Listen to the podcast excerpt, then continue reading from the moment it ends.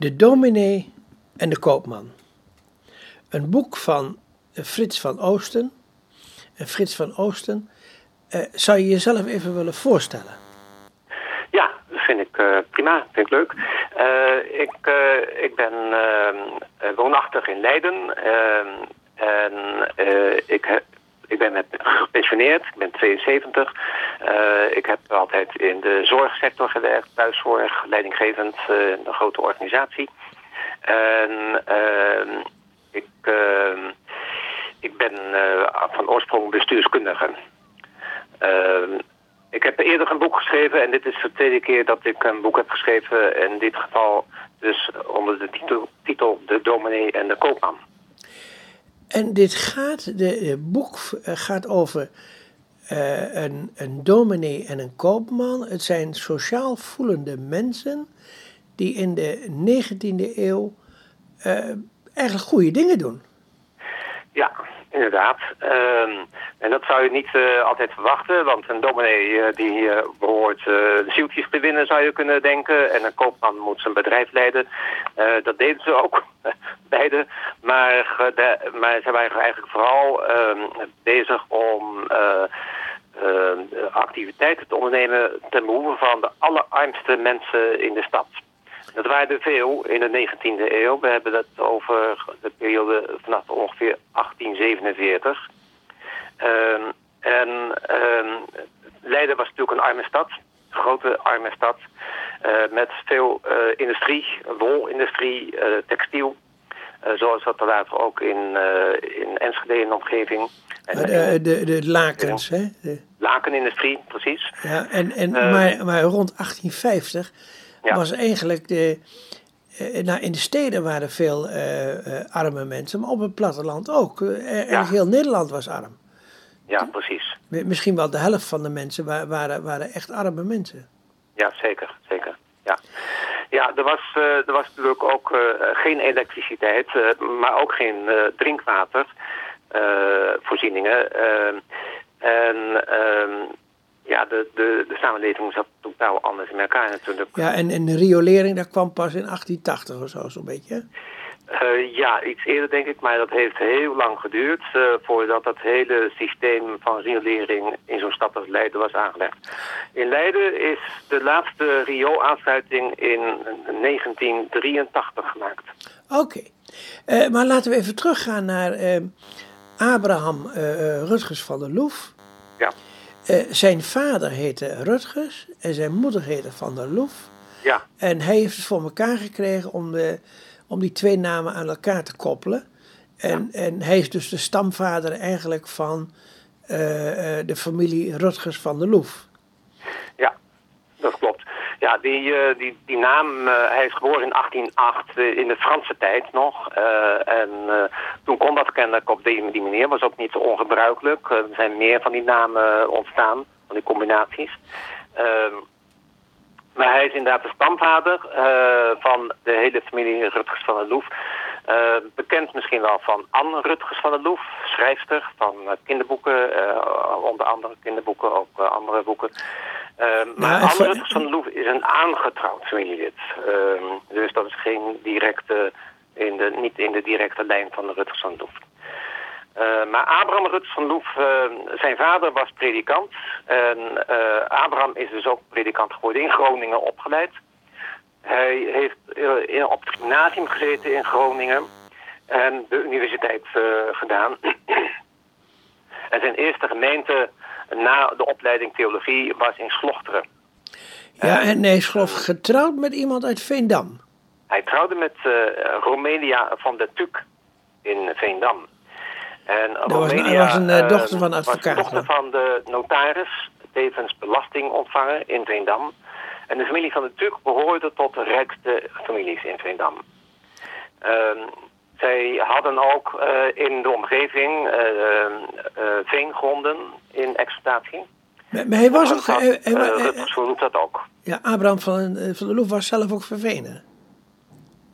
Nou, ja, hij had een stukje, hij had een stukje grond in, in, in, in, Groningen. Ehm, en daar zal hij ook opbrengsten van hebben gehad. Hij ging op een gegeven moment, hij is een slochter en heeft hij gestaan en...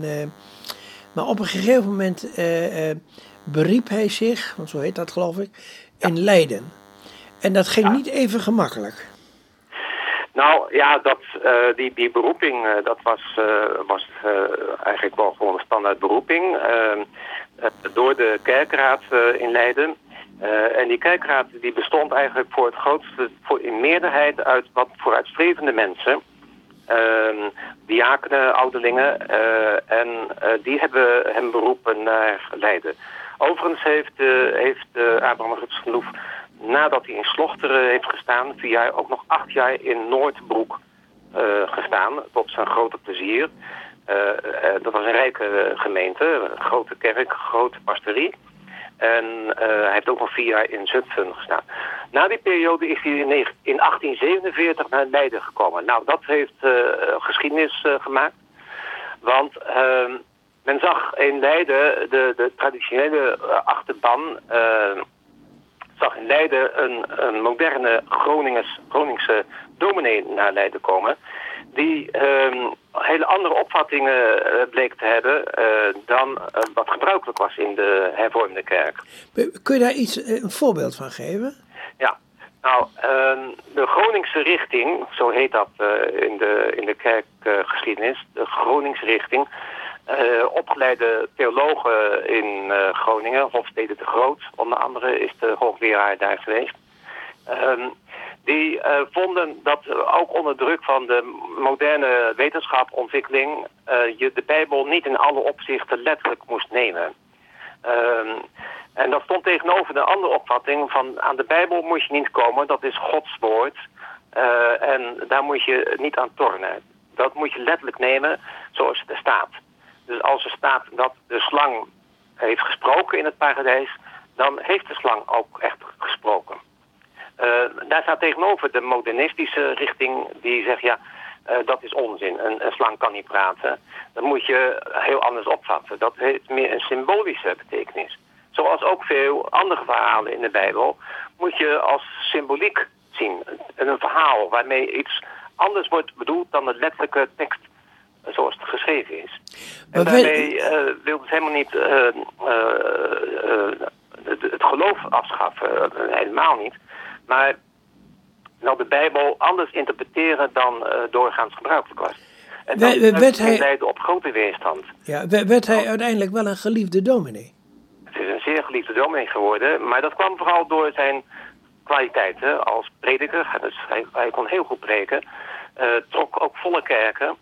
Uh, en was ook heel optimistisch. Hè? Dus hij bracht een blijde boodschap. In plaats van eh, dat hele zware gebruikelijke. En dat heeft hem uh, dus goed gedaan. Daarnaast liet hij zien in zijn werk, in zijn, dagelijkse werk, dat hij betrokken was bij de allerarmste mensen. Hij ging naar de sloppen en stegen in die grote stad, uh, waar, waar de toestand erbarmelijk slecht was. En ging daar gewoon naartoe. Ja, en toen brak de cholera uit. ja, en daar, eh, en daar heerste in die periode natuurlijk vanaf 1832 al cholera-epidemieën. Uh, en en dat, daar trok hij zich in die zin niks van aan. Hij bezocht de zieken en de stervenden. Er zijn in die periode van, van ruim 30 jaar, 1832 tot 1866, in Leiden, alleen al in Leiden, meer dan 5000 mensen overleden aan de cholera. Dat is nog wat anders dan corona, hè? Dat is wat anders dan corona. Het is ook echt wat anders. Hè. Cholera is een bacterie en niet een virus. Maar dat wisten de artsen natuurlijk niet in die tijd. En ze, thuis, ze tasten echt ook toen in het duister van waar ligt nou precies de oorzaak en wat moeten we doen om die cholera te bestrijden.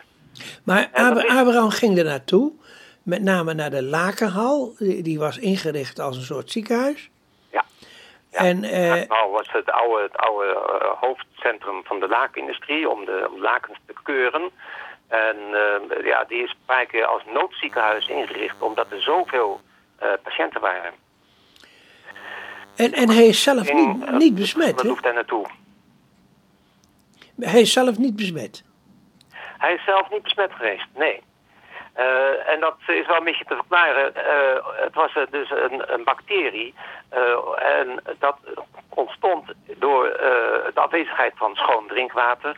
door de enorme vervuiling in, in de stad, door de stinkende grachten, het ontbreken van riolering. En als je in zo'n stad leeft, dan word je al heel snel door de omgeving waar je bent besmet. Niet van mens tot mens, maar vanuit de, de directe omgeving waar bacteriën Maar het was dus een ziekte van de armen?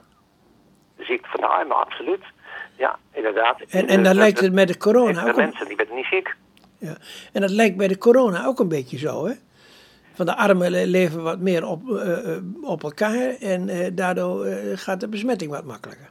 Ja, ja, en wat ook wel een overeenkomst is, er ontstond wantrouwen in de, in, tegenover de artsen in het ziekenhuis.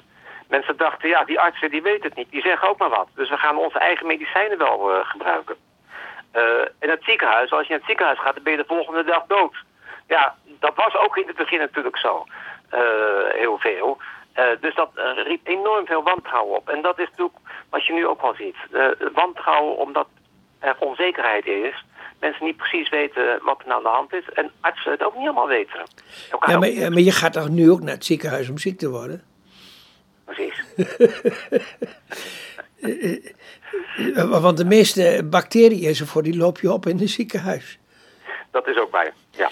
Maar uh, goed, die, die, die, die cholera-bacterie was echt door onhygiënische omstandigheden de stad ingekomen. En, en, maar dat wist men nog niet toen. Dat wist men echt niet, nee. Maar uh, Abraham Russes van der Loef, uh, het, het, is nu zo dat uh, de familie, er, wa er, waren twee naamgenoten. Bram Rutgers van der Loef. en de ene die is voorzitter geweest van de Macula-vereniging. En de ander die heeft een stuk geschreven over zijn bedovergrootvader, dus Abraham Rutgers van der Loef. En dat is geloof ik de aanleiding geweest om voor jou om hier, uh, dit boek te schrijven.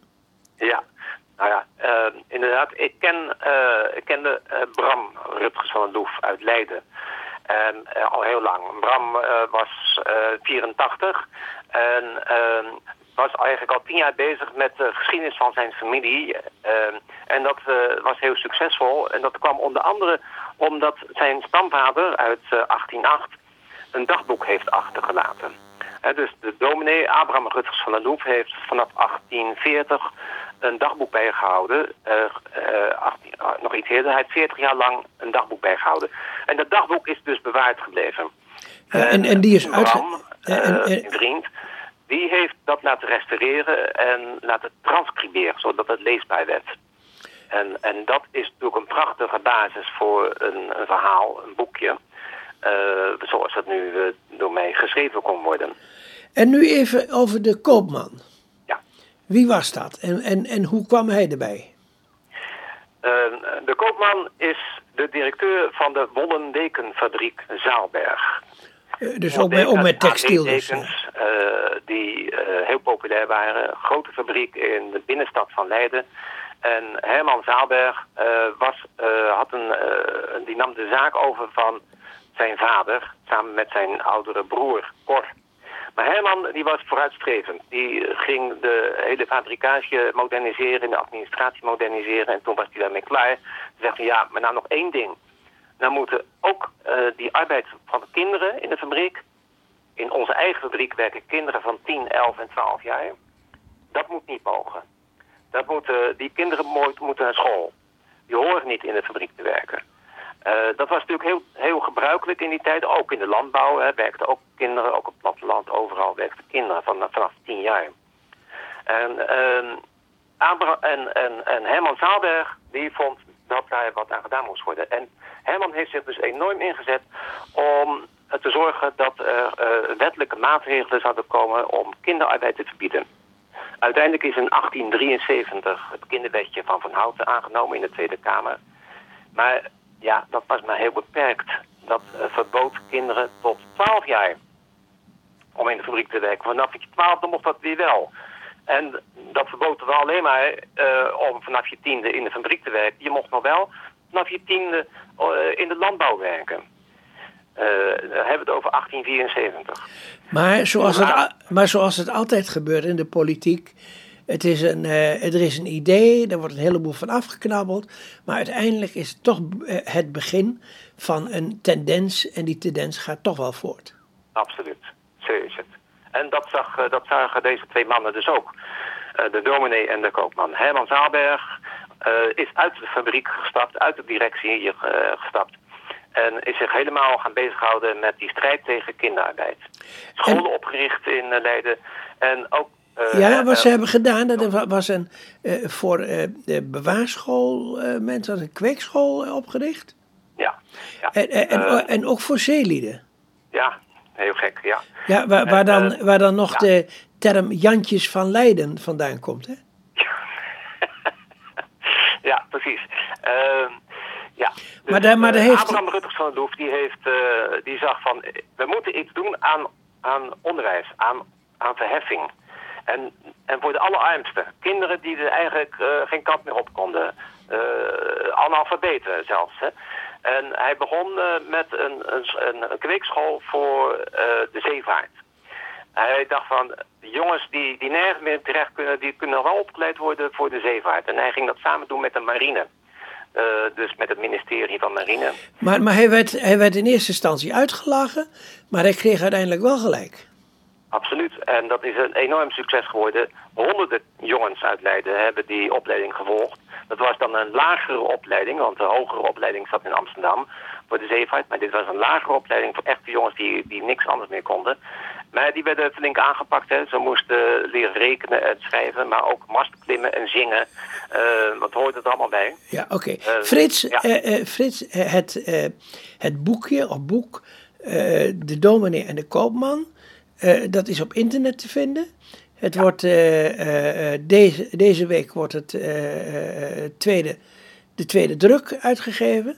Ja. En nou, het lijkt me een prachtig mooi boek om aan te schaffen. zoek het gewoon op op internet onder de dominee en, en, de, en de koopman. En daar kun je het ook bestellen. Mag ik jou heel erg hartelijk danken voor dit interview. Heel graag gedaan en heel veel plezier met je werk bij de omroep.